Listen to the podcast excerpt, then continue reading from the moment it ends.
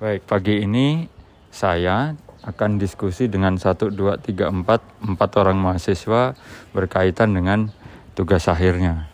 Ya, uh, rencananya akan saya upload ke podcast Akademia Terbalik. Ya, jadi yang pertama ada Hartoyo Sianturi. Iya, Pak. Betul ya? Iya benar, Pak. Apanya Roni? Tidak ada hubungan sama Pak, cuman Berarti saudara. nyambung dia masih ngerti Satu berarti. marga berarti. Satu marga. Satu marga.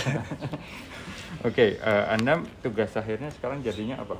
Eh, tugasnya itu tentang ini, Pak. eh, kontaminan limbah B3. Oke, B3 ya. Iya, limbah B3 Di? di Jombang, Jawa Timur, Pak. Jombang, Jawa Timur. Iya. Limbah B3-nya apa? Eh, ba- yang unsur logam yang diambil itu ada Al, AS, terus C, eh, arsen ya, aluminium arsen. te- terus si- apa ya? Ada yang baru di ini sih Pak baru di di dibahas itu masih AL Pak. Ah, karena Aluminium. Iya aluminium aluminiumnya itu ada perbedaan di mana di reseptornya itu eh ko- konsentrasinya lebih banyak daripada di kontaminannya. Oh, maksudnya dari sumber. Iya dari sumbernya. Lebih tinggi dari sumber. Iya benar Pak. Oke, jadi konsentrasi aluminium yang ada di daerah yang istilahnya reseptor. Iya reseptor. Jadi daerah yang masuk ke dalam aliran penyebaran limbah aluminium ini di tempat itu justru lebih tinggi dibanding konsentrasi aluminium di sumber kontaminannya. Oke. Kenapa kok bisa terjerumus ke lembah kontaminan? Se- sebenarnya Awalnya gimana ceritanya dulu? awalnya itu kan pas saya eh, rencana tesis sama Pak Lilik Pak Lilik eh, oh, bahasnya itu tentang termofluida.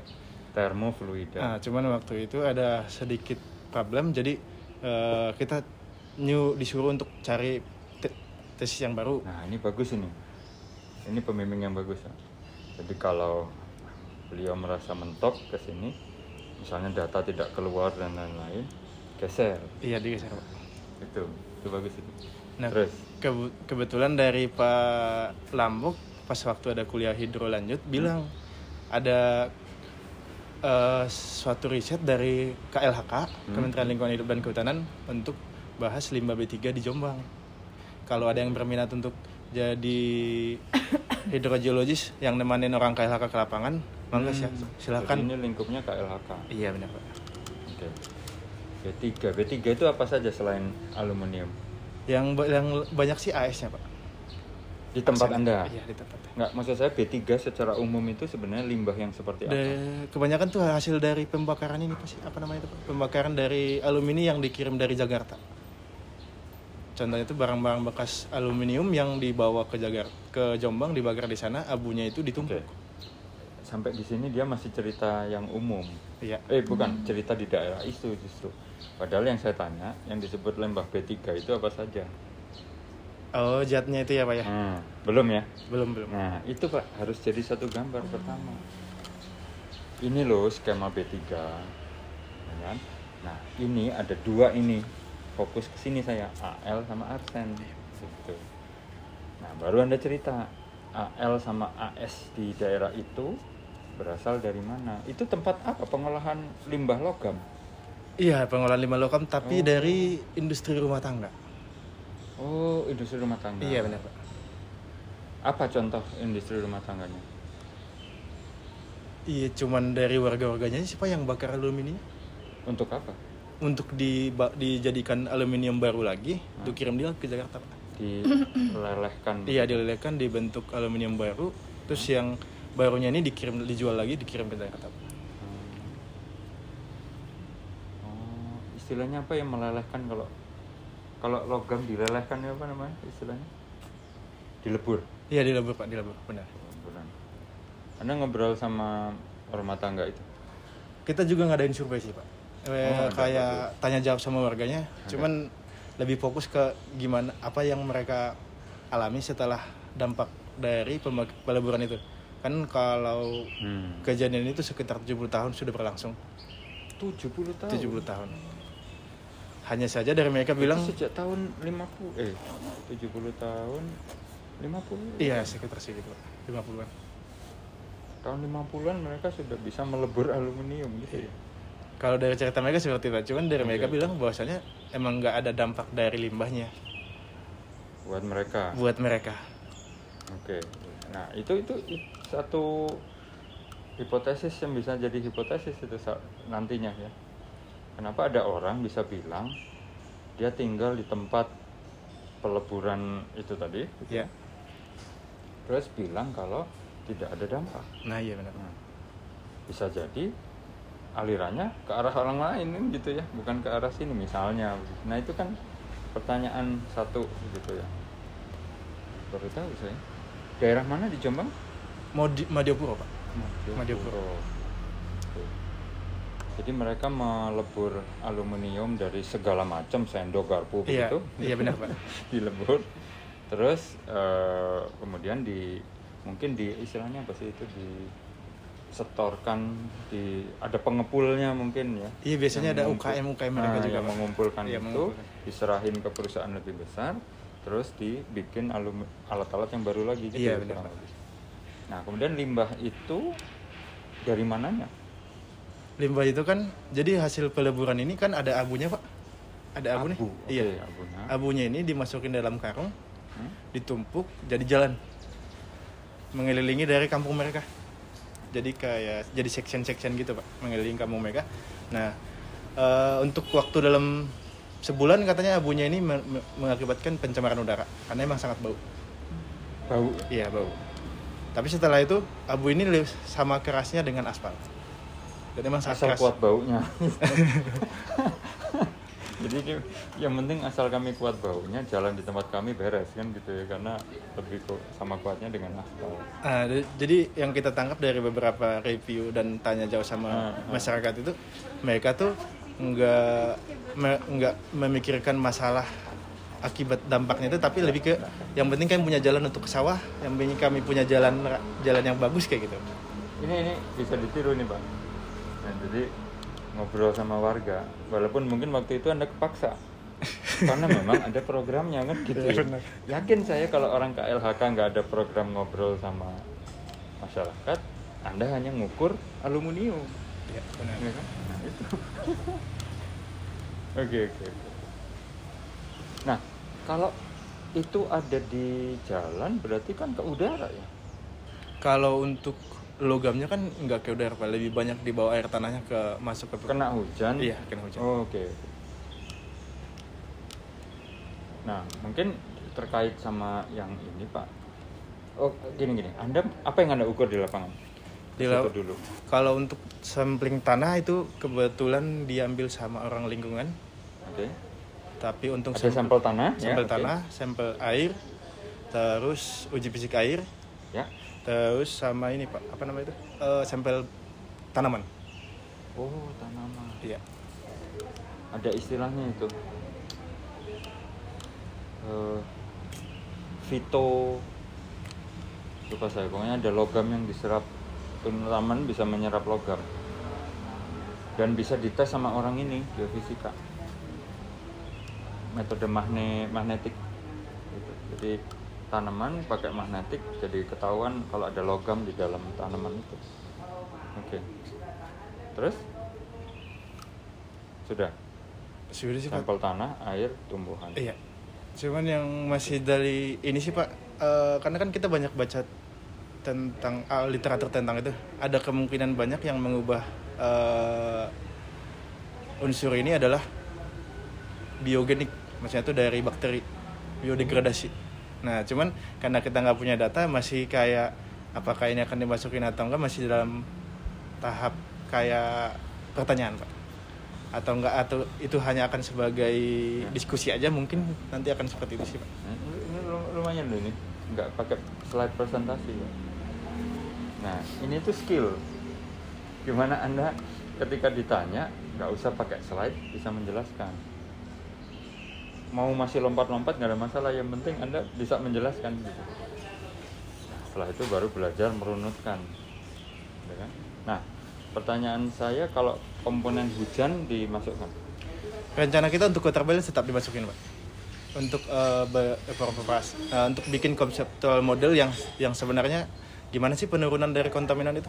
Harusnya kan secara idealnya akan turun eh, semakin ke bawah semakin kecil ya pak ya. Betul. cuman di sini kan ada kasus di mana ada yang di bawah paling dalam malah lebih besar di atasnya lebih kecil atau di tengah bisa lebih lebih banyak konsentrasinya nah itu yang jadi pertanyaan pak jadi kita bikin dulu konseptual model nah eh, untuk parameter yang akan kita masukin tetap dimasukkan juga untuk curah hujan water balance juga Oh, jadi Anda sampling tanah berarti ya? Atau Iya, sampling tanah. Itu sistematis berarti? iya sistematis pak Atas, tengah, bawah?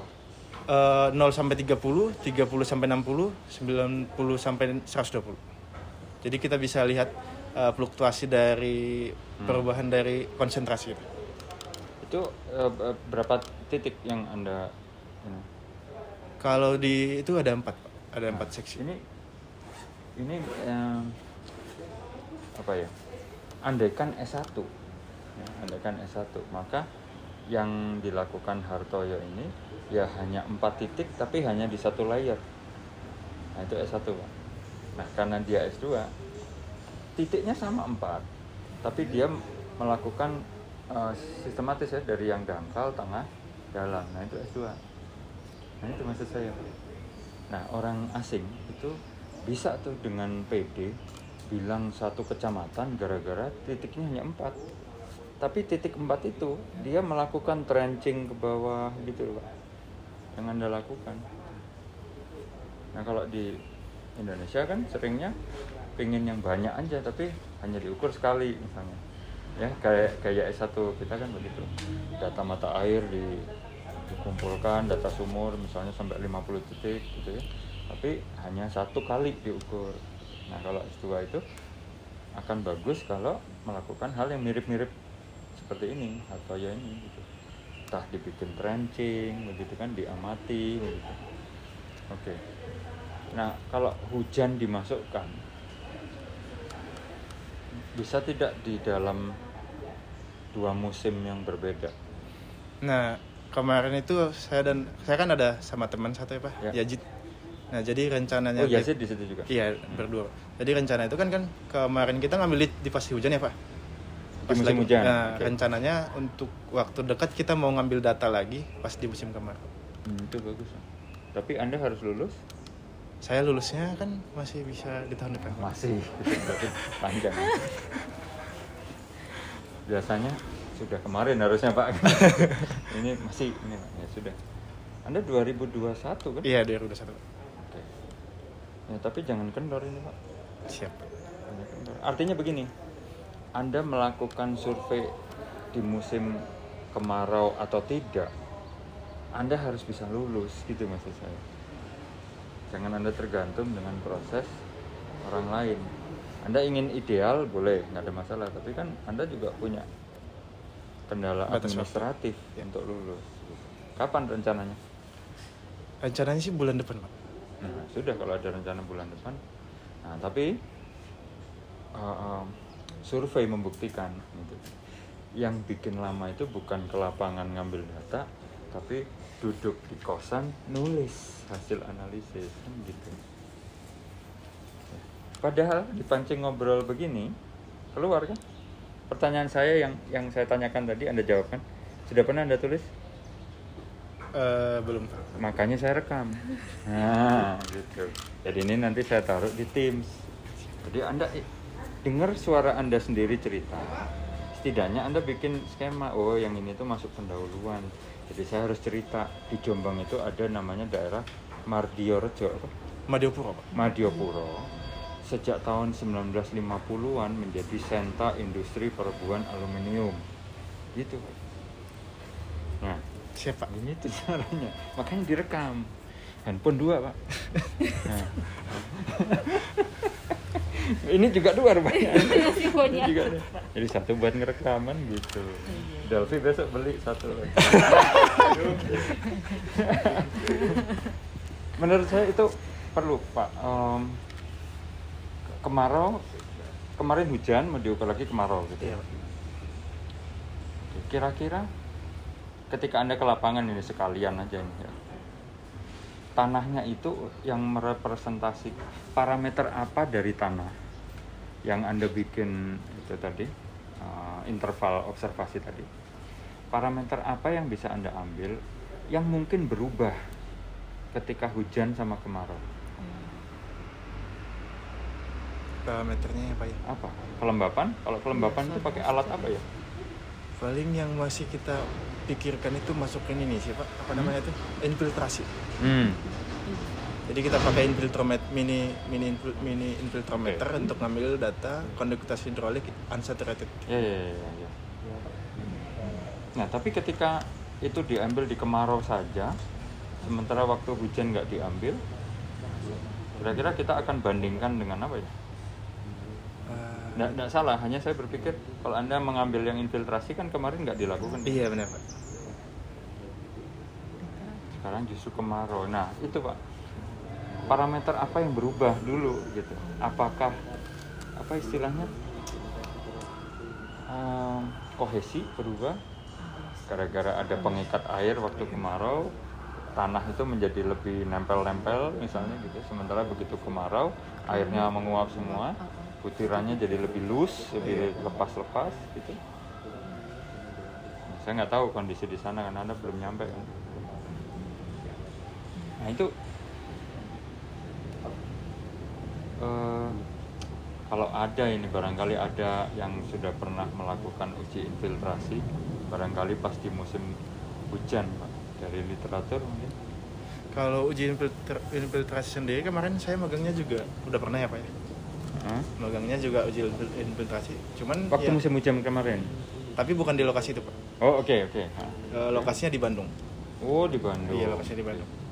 Kalau untuk eh, ininya sih pak konduktivitasnya tuh nggak jauh berbeda hampir sama yang di Bandung? Iya yang di Bandung. Nah cuman kalau di sana yang belum tahu. Ya ya ya ya betul.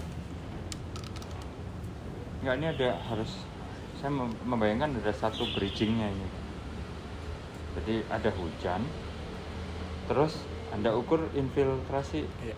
nah di tengahnya ini ada ini mestinya yang mengendalikan kan berubahnya itu. Pa- pada saat kemarau sama, sama penghujan. hujan ya pak ya?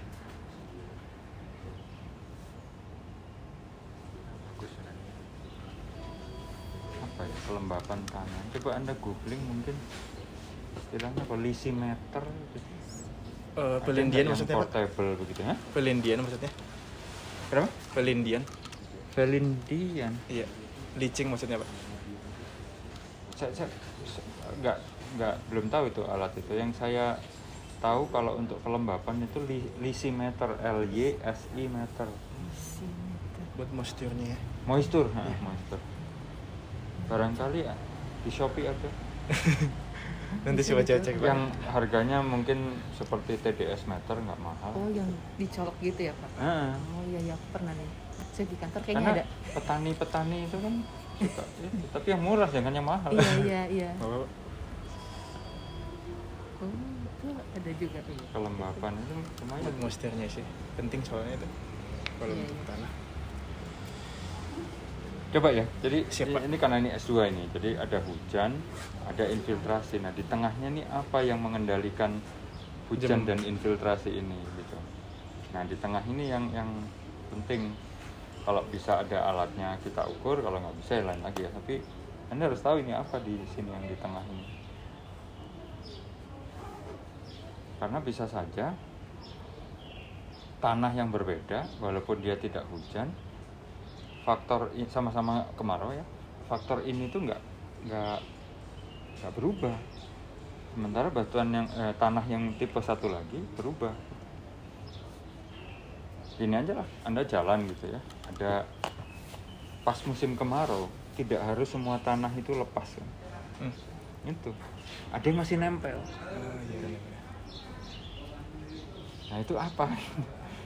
Ya siap siap. Tapi bagus pak. Jadi untuk ke ke sini ke kuliah ini mungkin beda musim itu pak yang harus diingatkan.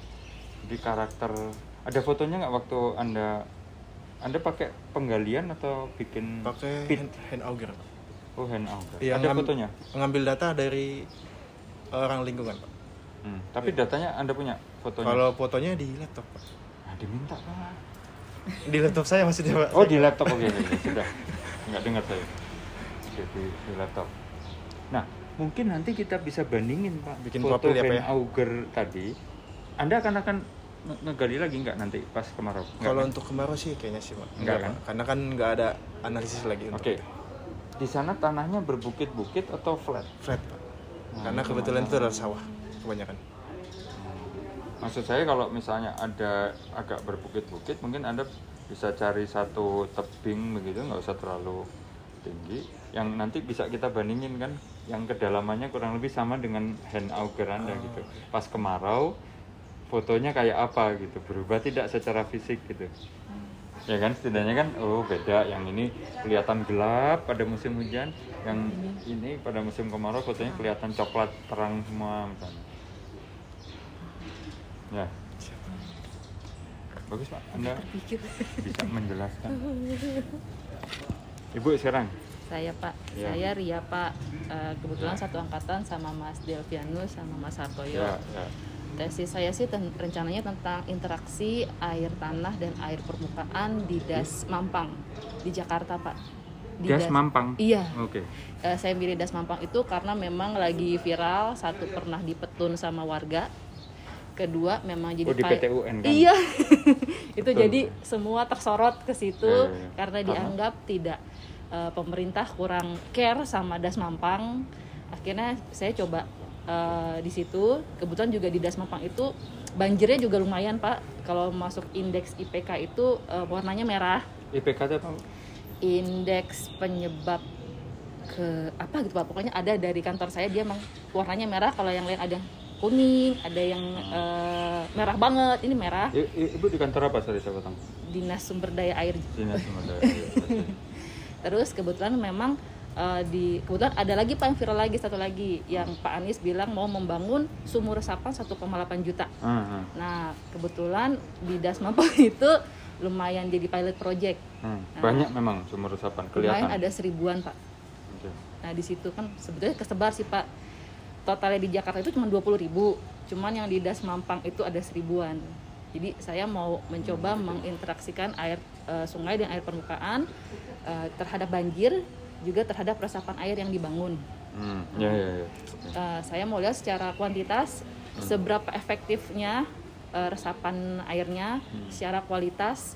Karena kan juga sempat di ada dari masyarakat mana bilang kok sumur resapan langsung masuk aja dari jalan. Nah itu juga mau saya teliti sedikit pak. Hmm.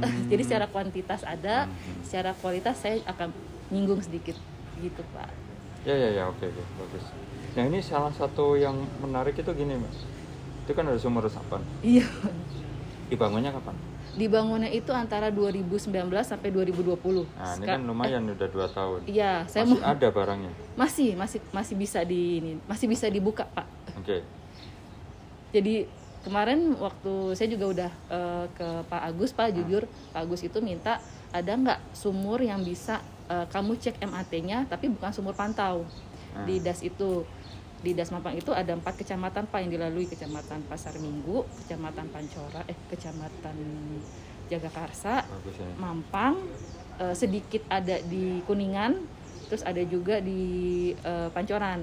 Nah, saya baru itu susah banget pak nyarinya pak Hmm. Eh, sumur warga, sumur apa yang bisa Iya. saya cek MAT. Iya karena sudah jarang orang punya Iya. sumur lebar ya. Eh, di sana eh, kalau dilihat dari tata guna lahannya udah 77% itu udah di beton. Jadi sisanya itu agak susah dan Itu kemarin tanya 77% dari tahunnya dari mana? RT RW-nya Citata Oke. pak. Hmm. saya udah ngambil Begini S2 tuh, Pak, kalau ditanya tahunya dari mana? Itu dari Cita. saya udah nanya-nanya pak. gitu. udah ngambil duluan data-data. Ya, ya, ya, bagus. Terus eh, saya coba akhirnya saya sama teman-teman sih Pak jujur dibantu sama teman-teman dari DSDA sama ya. dari DLH Ya. mencari yang bisa dicek MAT-nya baru ketemu tiga Pak. Itu pun Hmm. masih di Jagakarsa dapat satu, di Pasar Minggu dapat satu, di Mampang dapat satu. Yang saya belum dapat itu di Kuningan. eh oh, iya Pak di Kuningan aja saya belum dapat.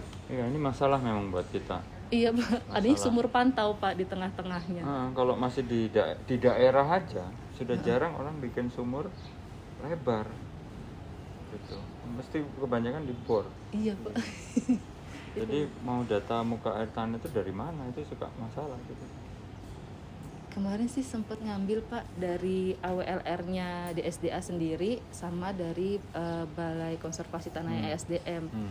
Tapi kan mereka beda sama yang kita langsung cek MAT gitu. Hmm, Jadi hmm. saya mungkin agak-agak kesulitan di situ. Sekarang masih nyari sih Pak baru ketemu tiga. Karena mereka mungkin karena yang di yang dimonitor aquifer yang dalam kali ya. Iya iya Pak. Iya kan? Nah yang ini saya masih agak-agak baru ketemu tiga. Nanti saya coba. Pokoknya saya punya target akhir eh, bulan Nah, ini ini penting nih dapat dapat berapa nanti saya akan lapor. Jadi nanti eh, hasilnya apa saya akan lapor.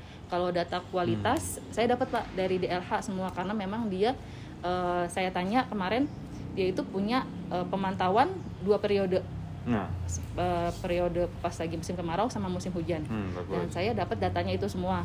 Hmm. Eh, kemarin sih saya dapat baru sampai 2000 2020 dia nggak ada karena refocusing Hmm. Eh, dia itu kemarin saya baru dapat dari 2017 sampai terakhir ini 2021 saya minta sih 10 tahun terakhir sama mereka lagi dicariin sih pak Hmm. tentang kualitasnya soalnya karena saya ngeliat pas lagi di tren yang mana itu ada pengaruh deterjen saya juga agak kaget pas di kualitas air Oh, tanah kok ada pengaruh deterjen ya. jadi eh, masih agak-agak penasaran Anda tahunya. Da- ada pengaruh deterjen dari parameter apa?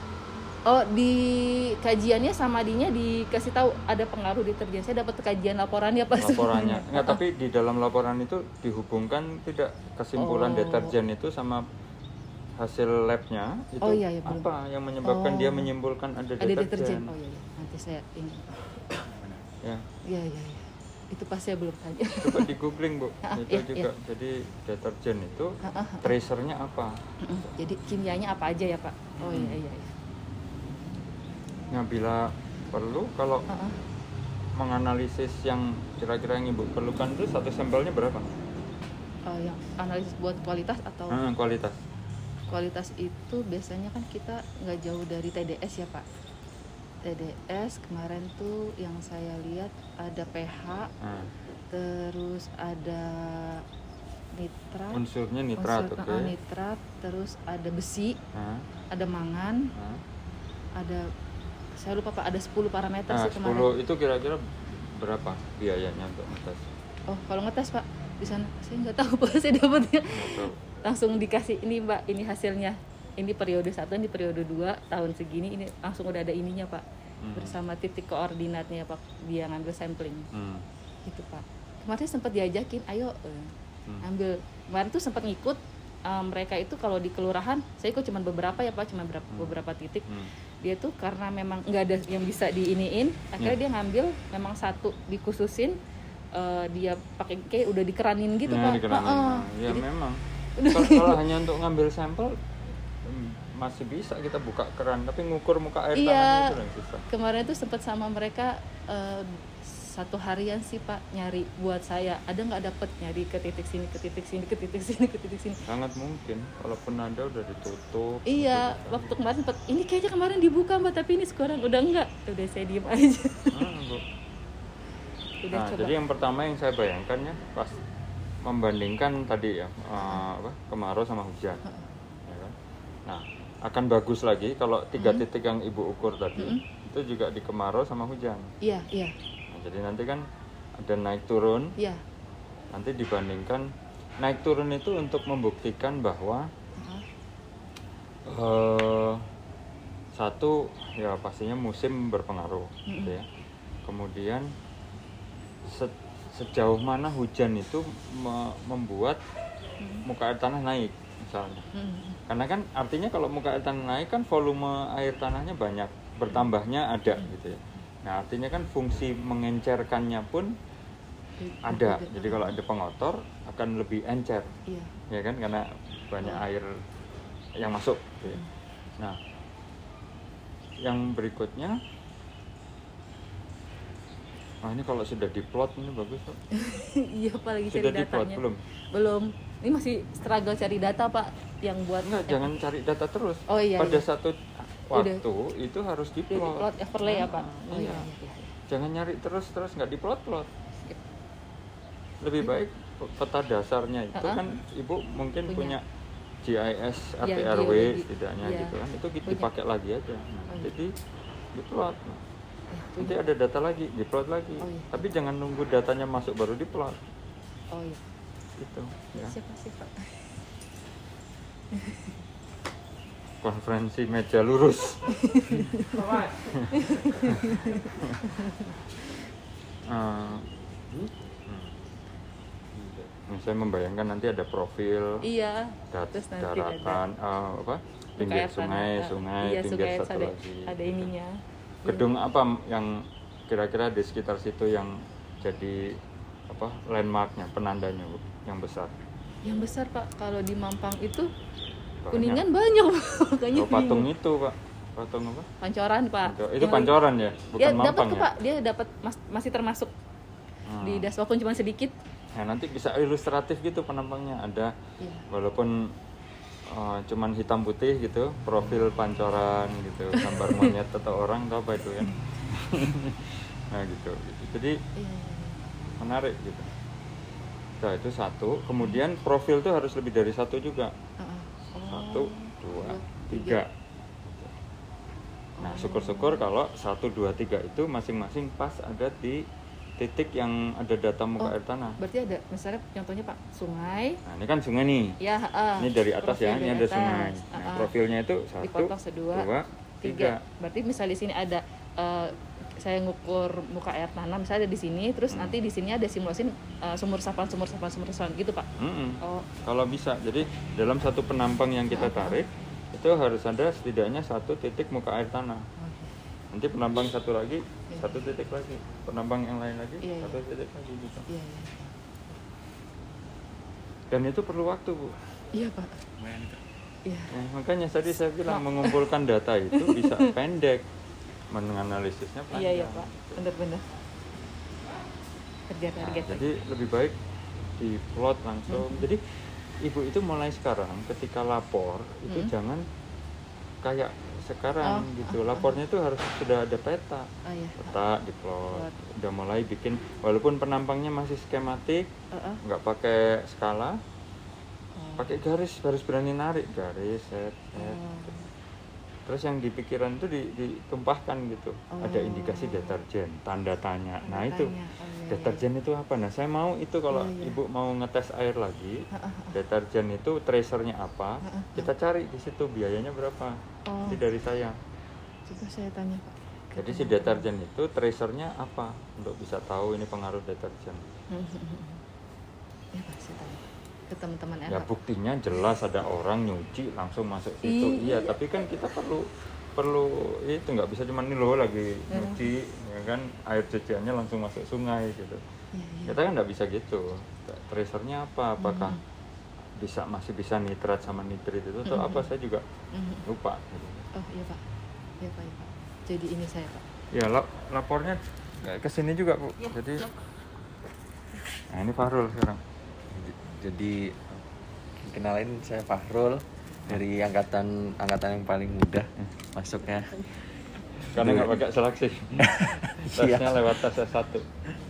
Masuk angkatan 2022 semester ganjil baru masuk terus kebetulan untuk tesis sih masih ini Pak ke kemarin itu saya dapat tawaran proyek bikin studi geologi sumur Hmm. di Madiun. Hmm. Terus kemarin juga sempat koordinasi sama Pak Rus. Saya bingung mau ngambil apa enggak gitu. Antara Nah, apalagi Pak Rus ini, meteorologi kan. iya, antara antara yang di Madiun itu atau yang ke PAT gitu. Nah, si- uh, kebetulan Pak Rus kemarin menyarankan ke PAT. Jadi yang di Hmm. Madiun itu udah saya tinggalkan sekarang ke PAT. Terus Oke. ke PAT itu kebetulan PAT itu kepanjangannya apa? Pusat Air Tanah dan Geologi Tata Lingkungan. Oke. Uh, ke PAT itu uh, ke- kebetulan dapat nomor kontak Pak Taat. Terus kemarin saya hubungin katanya ada ada data bisa dibuat tesis juga. Uh, terus tu- untuk topiknya pemodelan juga bisa. Hmm. gitu. Terus kemarin baru baru masukin surat surat permohonan data sih Pak. Gitu. Untuk Oke. tesis. Sementara saya begitu. Nah, jadi di daerah? Oh, kalau yang di PAT ini di Balai Konservasi Air Tanah ya. Di Jakarta berarti. iya di Jakarta iya jangan tahu ya iya jalan tongkol lah ya Iya, ini. Ada dulu biar kelihatan. Agak ke sini. Eh sini. Satu, dua, tiga. Ke sini pak ke Buria. Ayo. Iya. Masih masih apa belum di ACC gitu, Mbak. Biasa oleh siapa? Sama eh, kan ngirim ngirim surat cuma belum ada konfirmasi lanjut gitu. Oh. Yang Baru- ke Pak Taat Iya, itu? ke Pak Taatnya. Ya, Coba ditanya. Kapan ngirim surat? Baru kemarin. Oh baru kemarin. baru kemarin ya lain. Kalau udah seminggu baru takir Pak Taat. Iya. barangkali ad- ada yang perlu ditambah apa barangkali syarat dari saya perlu ada yang ditambah gitu nanyanya jangan nanya pak kok belum selesai kan gitu Oh iya. Iya, nanya itu gitu apakah perlu ada syarat lagi dari saya gitu Iya, baik, Pak. gitu karena kalau Jakarta ya kebetulan ada Buria Iya. It- itu untuk mengakses data apa muka air tanah Eh, datanya banyak sih, Pak. Lupa saya. Ada data macam-macam gitu. Cuma katanya kuantitas kualitas kelihatannya ada sih, Pak. Kurang tahu spesifiknya, Pak. Karena Cuma- Pak Taat bilang ke saya pernah bilang juga banyak data pak. Itu jadi harus dimanfaatkan itu. Jadi pembimbing anda ada Pak Taat Pak Rus. Oh, kalau pembimbing Pak Agus, Pak, yang pertama. oh Pak Agus. Iya, Pak kemarin Rus, nah, ikut. kemarin Pak Rus itu sempat nawarin cuma Pak Rus bilang kalau memang udah ada dari Pak Taatnya mending Pak Rus nggak usah. Gitu. hmm, jadi pembimbing duanya Pak ya Taat. Pak Taat aja bilang gitu. oke jadi ya titik awal anda itu yang tadi Em, data apa saja yang bisa diambil dari Pak Taat Mm-mm. segera diklasifikasikan datanya, segera diplot supaya Anda bisa tahu perlu ngambil data apa lagi karena mungkin BMKG gitu. Ya, hujan di Jakarta begitu. Itu hujan perlu Pak ambil. Kan BMKG sekarang data sudah bisa langsung nggak perlu izin-izin kan, Hmm. dari websitenya. online. Heeh. Hanya yang saya tahu kayaknya hanyanya paling banyak bisa sebulan. Enggak, Pak. Bisa sampai 40 tahun, Pak. Tapi sebulan-sebulan maksudnya. Eh, enggak, itu. sehari, sehari. Sehari doang bisa. Bukan maksud aku ngambilnya tuh periode Oh, bisa iya. sekali berdua. Nah, itu maksud saya. sebulan. Nah, ya, ibu-ibu yang menjelaskan ngerti dia kalau saya. Kalau Kayak siapa pelawak itu yang memang itu kalau laki-laki yang ngasih tahu enggak enggak budek dia tapi kalau tapi kalau yang ngajak ngobrol perempuan langsung sembuh. Oke. kalau data hujan yang dari CIPS itu sama BMKG sama Nah, itu coba em, chips. Iya, CIPS. Aduh, kurang tahu saya. Coba tanya Pak Rus. Oh iya. Coba tanya Pak Rus. Karena itu kalau nggak salah satelit. Hmm. Satelit. bukan pengukuran rasanya ya. Oh. Rasanya saya nggak yakin, tapi rasanya kalau pengukuran itu ya hanya BMKG yang memang diukur. Nah, chips itu mungkin dia melakukan modeling gitu. atau gimana? Pasti ada data rujukannya untuk melakukan model, tapi nggak semuanya hasil pengukuran. Seingat saya. Nah, jadi coba BMKG itu bisa di-download hanya Mhm. sekali download hanya yang sebulan jadi sebulan. Iya. Sebulan. sebulan. Emang ya itu sudah bagus sih bisa begitu juga. Cuman kan sebulan sebulan ya kesel juga gitu. 10 tahun dan aja 10 tahun 120 kali kan gitu. Iya. Hujan harus masuk. Iya. Hujan harus masuk. Karena bayangan saya untuk S2 itu bisa bikin setidaknya data muka air tanah Anda itu harus dihubungkan dengan parameter yang lain. gitu. Nah, itu tuh kalau S2 itu. Jadi Anda nggak bisa hanya ngeplot data muka air tanah sama ngeplot data kualitas air. Terus Anda tunjukkan nggak bisa begitu. Ya, jadi harus ada Anda hubungkan itu antara kualitas dengan muka air tanah, muka air tanah dengan apa gitu. Ini kayak, dia. Iya. Nah kalau ibu itu lebih ke mungkin bisa ke tata guna lahan, ke RT RW ya dihubungkan ke situ. Nah jadi akan bagus kalau di dalam setiap penampang itu mudah-mudahan sih ada variasi kualitas air ya. Jadi mungkin yang ini tinggi apanya, penambang yang ini tinggi apanya begitu. Nah itu nanti dilihat di tata ruangnya apakah apakah dari hanya dari peta tata ruang atau dari apa Google Maps atau apa indikasi-indikasi yang mengganggu gitu yang, yang mungkin bisa menimbulkan sesuatu yang ada di sini jadi tinggi gitu. nah harus ada itu kalau S2 nah, anda juga gitu kalau S1 anda bisa lulus ngeplot muka air tanah sama ngeplot kualitas air selesai nah, kalau S2 nggak bisa harus ada hubungannya gitu. Betul, harus Anda hubungkan dengan sesuatu yang kemudian ujungnya menjawab masalah. Nah, masalah nah, masalah bisa muncul di awal ideal. Tapi bisa juga di akhir. Ketika Anda sudah punya data baru ini, kira-kira ini masalahnya apa yang berkaitan dengan ini ya. Iya bisa. Nah, beda dengan Hartoyo sama Buria. Ya, kalau mereka berdua masalahnya sudah muncul di awal. Ya kan, ada protes penduduk, kemudian ada memang indikasi pencemaran sudah dari sebelumnya gitu ya. Nah, itu masalahnya dari di awal, kemudian ada data. Nah, kalau Anda ada data Ya. dulu baru melihat masa mundur baru mundur masalah yang bisa dipecahkan apa gitu. Gitu ya. Nah, itu harus nggak boleh kosong, Mbak. Jadi wilayah waktu kerja Anda ini berempat ini nggak boleh kosong. Jangan wah nunggu yang ini ah gitu. Terus nggak ngapa-ngapain gitu jangan. Setidaknya kan kalau sekarang seperti Buria bisa googling deterjen itu tracernya apa. Ya kan? Jadi riwayat Sungai Ciliwung itu bisa juga itu referensi, Bu. Jadi Ibu bisa gambar untuk introductionnya ini Sungai Ciliwung. Nah, menurut riwayat eh, jadi panjang kan? Hmm. Padahal pengennya hanya Mampang kenapa jadi Ciliwung semua kan gitu. Nah si Mampang itu masuk ke Ciliwung. Oh, keruput Pak, kali keruput. Mampang ke Krukut. Nggak ada hubungan sama Ciliwung. Nggak ada. Oke. Ya nggak apa-apa. Kita kalau Krukut belum pernah ada dari hulu ke hilir Krukut itu nggak ya? Oke. Ya berarti ya itu apa namanya Ciliwung pak. Jadi Jakarta itu punya sejarah panjang dengan Ciliwung. Gitu. Nah ini beberapa kasus yang sempat eh, me- menonjol gitu ya pencemaran apa di daerah sini pencemaran apa ini tahun berapa gitu. Itu kan grafik kok. ya. Nah gitu. Nah ya gitu-gitu nggak bisa kalau anda mepet. Gitu. Gitu-gitu itu sambil ngelamun Pak. Ini ada peta Ciliwung diapain ya gitu.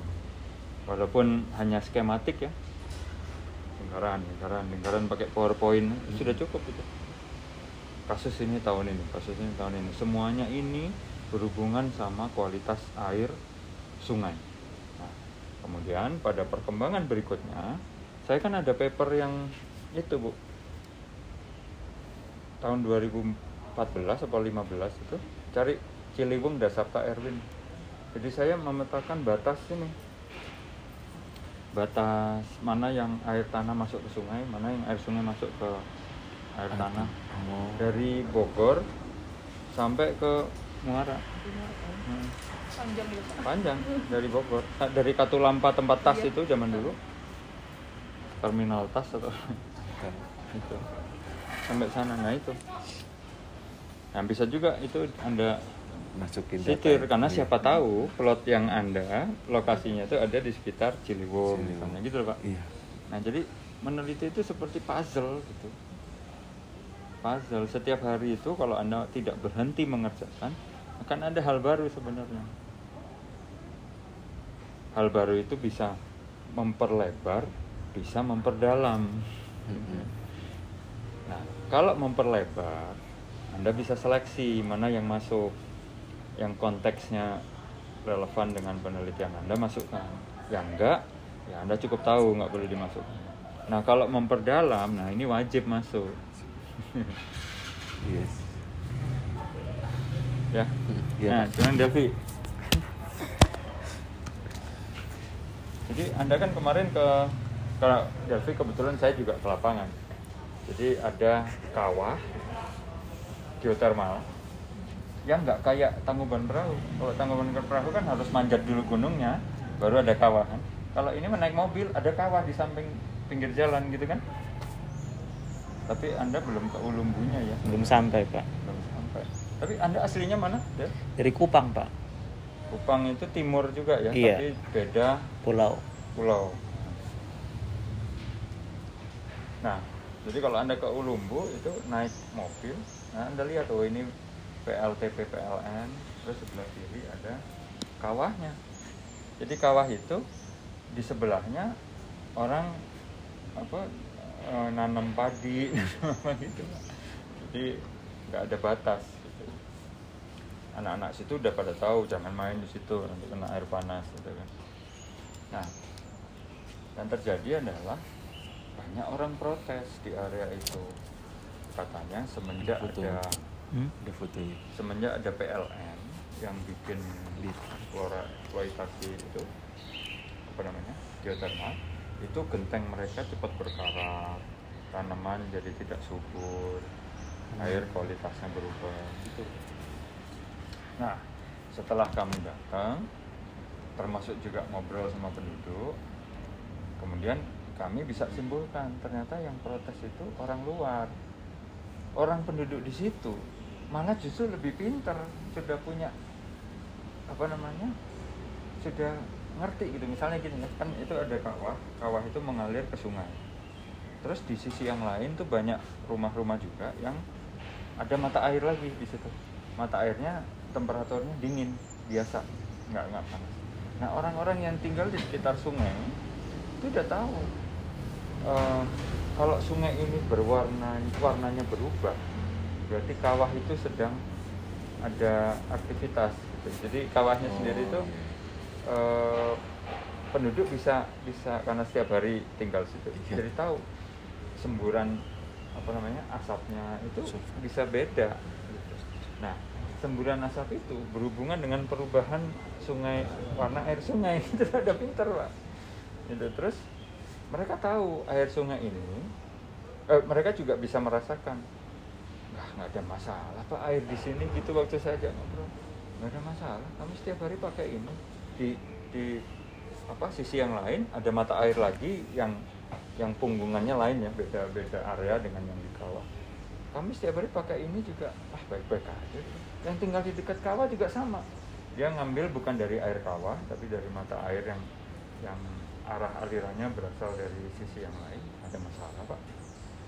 Terus bahkan yang untuk bercocok tanam mereka malah berpikir eh, menurut mereka perasaan tanah di sini justru bisa jadi subur karena ada gunung api ini itu ada geothermal ini.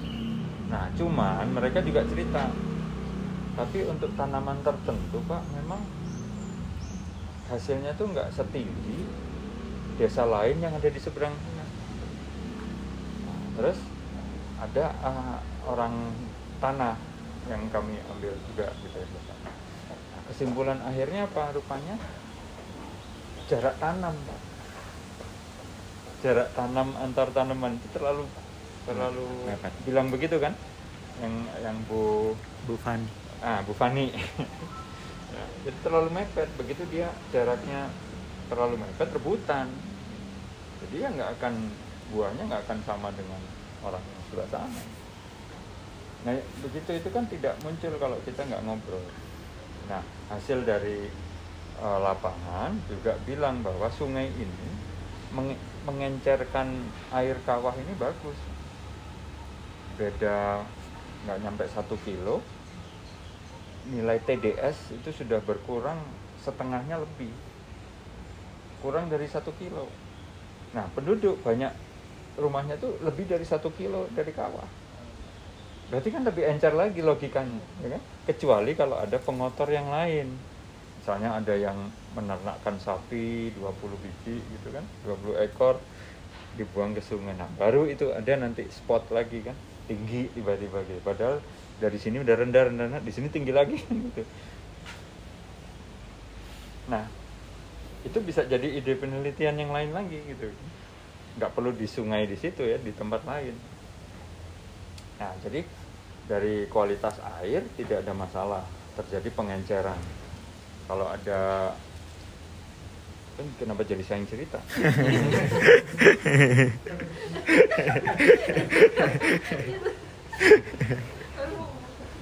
Ya yang ketawa.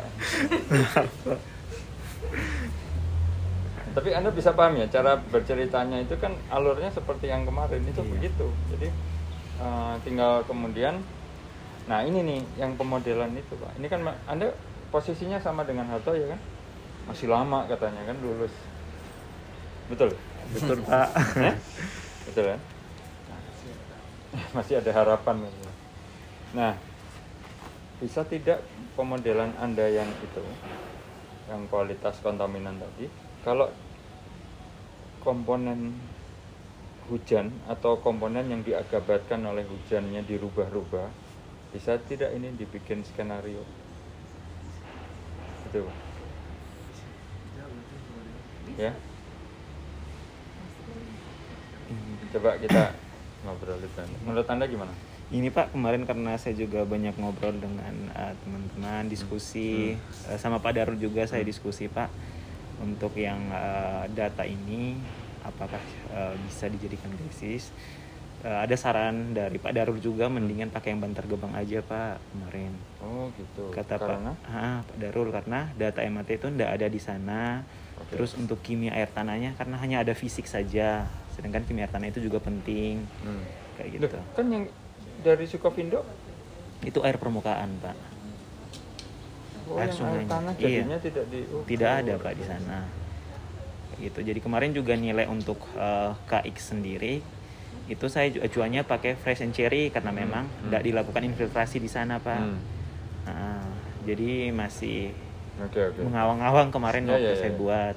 Masuk gitu. akal masuk akal jadi ke Bantar Gebang nah kalau anda Bantar Gebang satu lagi siapa Ahmad Masaro. Ahmad Masaro apa Dia katanya yang kemarin Bapak suruh dia yang di daerahnya. Di daerahnya dia sudah dia. ngumpulin data Oh, katanya. oke ya sudah nanti kita wawancara Hmm. dia Kayak gitu, Pak. masuk akal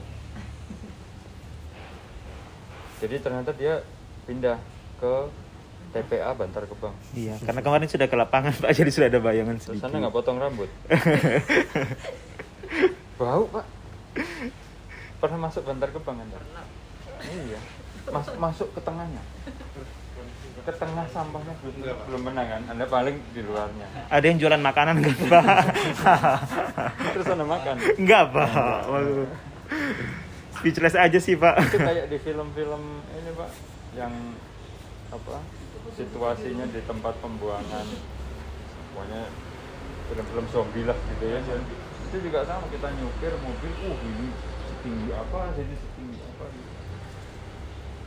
Kayak gitu Pak. ya kan ya, Iya. ya sudah oke oke paham Jadi kemarin kan eh, saya juga sempat eh, perwalian kan Pak sama Hmm. dosen-dosen. Ya.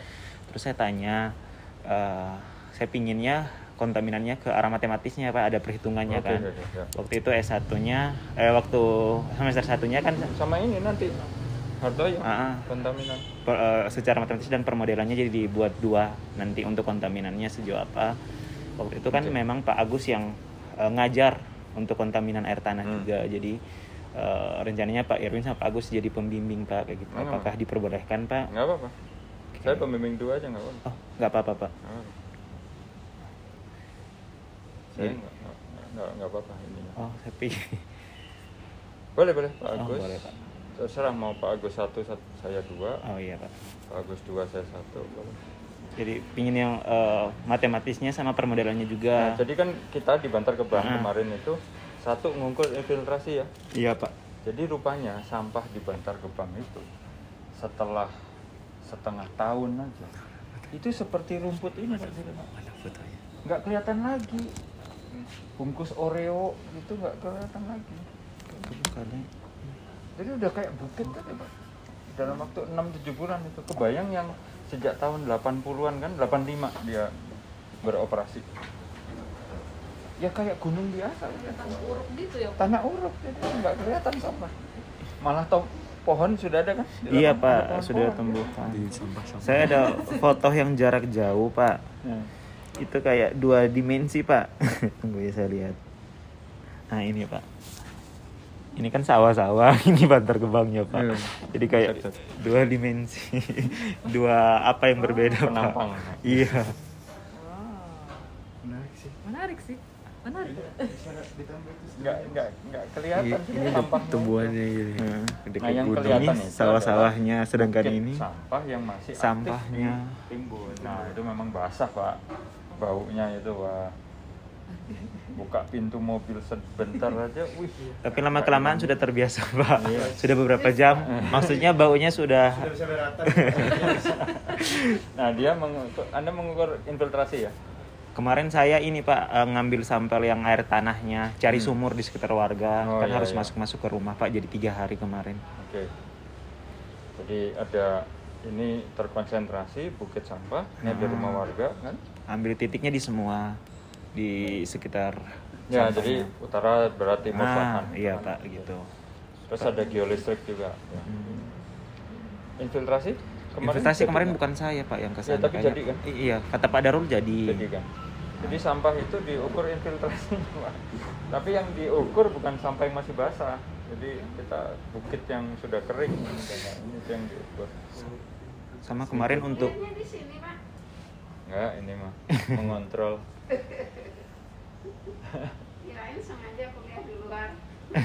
Ini ketemu di jalan aja. Ini susah ketemu orang-orang ini. Jadi ketemu langsung tempat.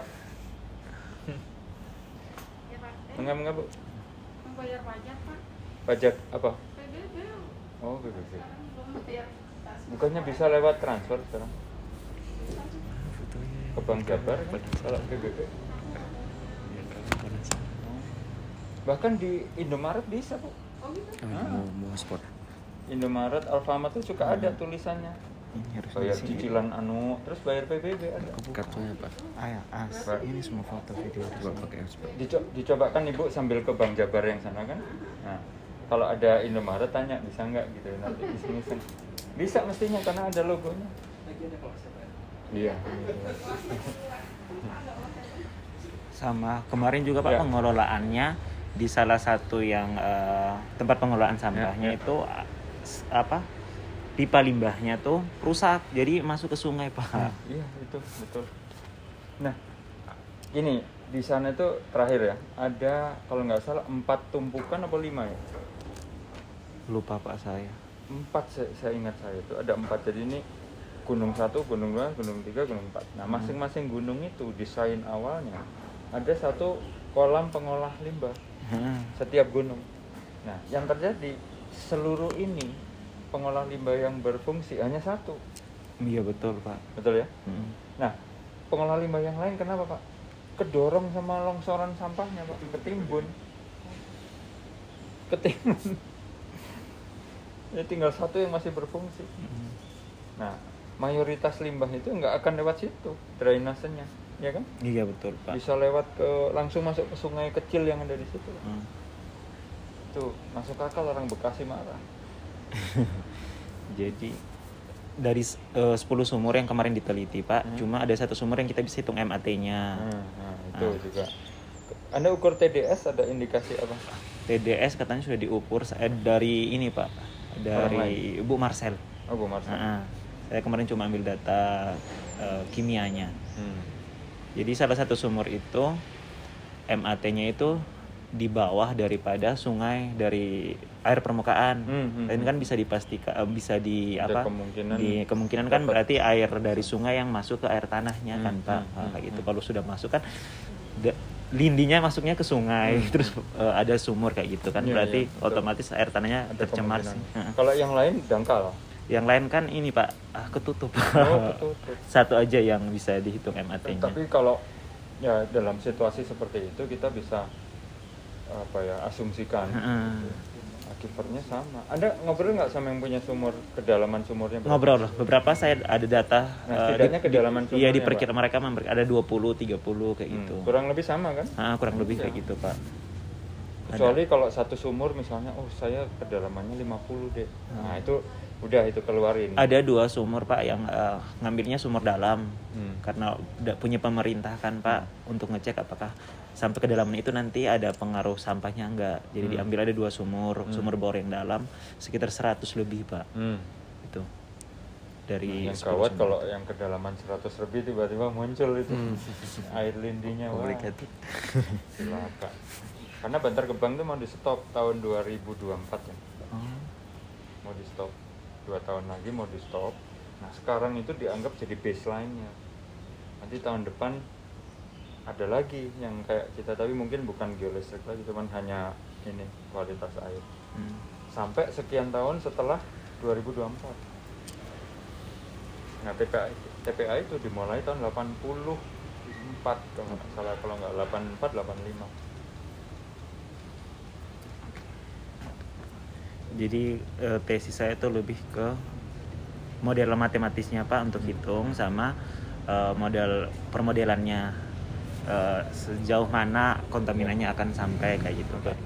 ya ya ya Lebih ke situ Pak. Tapi setidaknya anda beruntungnya ada lengkap datanya kan ada Iya, Pak. geolistrik ada infiltrasi ada macam-macam Infiltrasinya juga kayaknya nanti saya juga tambah sih Pak karena untuk ngitung eh, tapi mandiri nanti sih Pak untuk nambah data Ya. pendukung. Ya. Nah, ini terakhir dari saya dari tadi terakhir terus.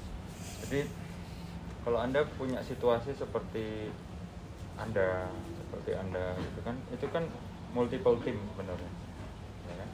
Maka kalau Anda misalnya mau bikin itu jadi tesis, maka si laporan tim yang itu itu harus dipisahin. Jadi kita harus menyitir ini. Oke. Jadi jangan dihilangkan kontribusi orang lain. Jadi kayak anda eh, harus bilang ini penelitian saya ikut, tapi harus ada sitiran ke laporan yang lengkapnya. Bikin aja laporan anu anu anu anu KRHK. Nah, artinya apa? Kalau nanti ada orang lain mau bikin tesis lagi kayak anda, nggak disalahkan. Kan nggak apa-apa anda misalnya mau pakai ini, kan hasilnya belum tentu sama. Iya. Nah itu loh maksud saya. Jadi Oh, iya. disitir ke sini. Jadi nah yang ini itu sebenarnya sama dengan tesis Anda. Kalau analogi tesis. Ini diupload di mana saja nggak masalah. Anda tetap bisa publikasikan di sebagai jurnal. Ya, apa nggak perlu harus takut ini terus seperti apa Anda menduplikasi gitu. Enggak. Itu loh skenario. Ya. Anda ini udah ngantuk kayaknya. Kita- Saya tidak Enggak memang begini setelahnya. Iya, gitu. Pak.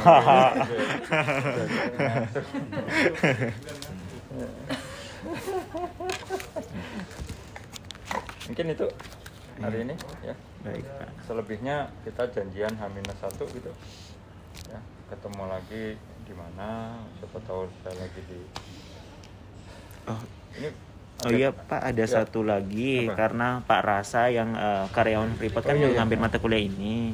Dia bilang dia nggak bisa kalau Oh iya iya iya. eh, on offline Ya, ya, minta solusi tanya ke Pak Erwin. Ya gitu. saya akan akan sendiri aja kontak Pak Rasa. Iya Pak Rasa. Andi kayaknya di Kediri Nggak tahu. Anhar ya Kalau kan? Anhar itu di sini dia. Itu Anhar di Jakarta. di Jakarta ya. ya. Heeh. Tapi Anda tahu apa enggak situasi Anhar itu di Jakarta? Eh Mas Saro yang Oh, dia itu kalau cerita nggak lengkap Pak. Saya kan telepon langsung karena dia sudah bilang lewat temennya yang lain keberatan kalau luring katanya. Terus saya tanya ada apa? Kenapa? Saya telepon dua hari lalu. Yang saya tidak tanya salah saya juga sih, tapi juga aneh dia tidak menjelaskan posisi dia di, di bukan di Bandung. Bayangan saya itu di Bandung gitu. Nah yang dia ini kan katanya dia menemani ayahnya. Dia juga sempat bilang kayak gitu Pak. Nah, terus saya tanya ayah anda kenapa sakit? Tapi di kepala saya masih dia tinggal di Bandung ya waktu itu. Ayah saya kenapa? Eh ayah anda kenapa? Itu yang nggak jelas. Pak. Ya kan, ya ya ibu Jakarta kan? Jakarta ada di sini gitu. Ya, saya tidak memaksa tidak tapi maksud saya begini se sebaik-baiknya mahasiswa itu kan ya ada sesi luringnya sebenarnya. Kapan pun ya ada gitu di sini. Gitu kita ngobrol. Nggak usah kuliah saya saja yang lain juga sama kan gitu. Supaya apa istilahnya atmosfer akademik itu ada gitu kan. Kalau dia ada masalah sampai tanpa ada alasan yang kuat nggak bisa ke sini kan repot tapi nggak ada yang pernah ngobrol dekat sama Anhar Bu Ria paling Cuma tinggi. cerita bapaknya sakit aja nggak bisa ditinggal Pak. ya dia bilang hal yang sama berarti kan sudah banyak orang tahu kan Iya. saya tanya begini ayah anda itu sakit apa kok sampai apakah secara fisik terganggu ininya enggak pak masih kerja juga sampai sekarang terus apa yang menyebabkan anda ragu meninggalkan orang tua anda gitu ya?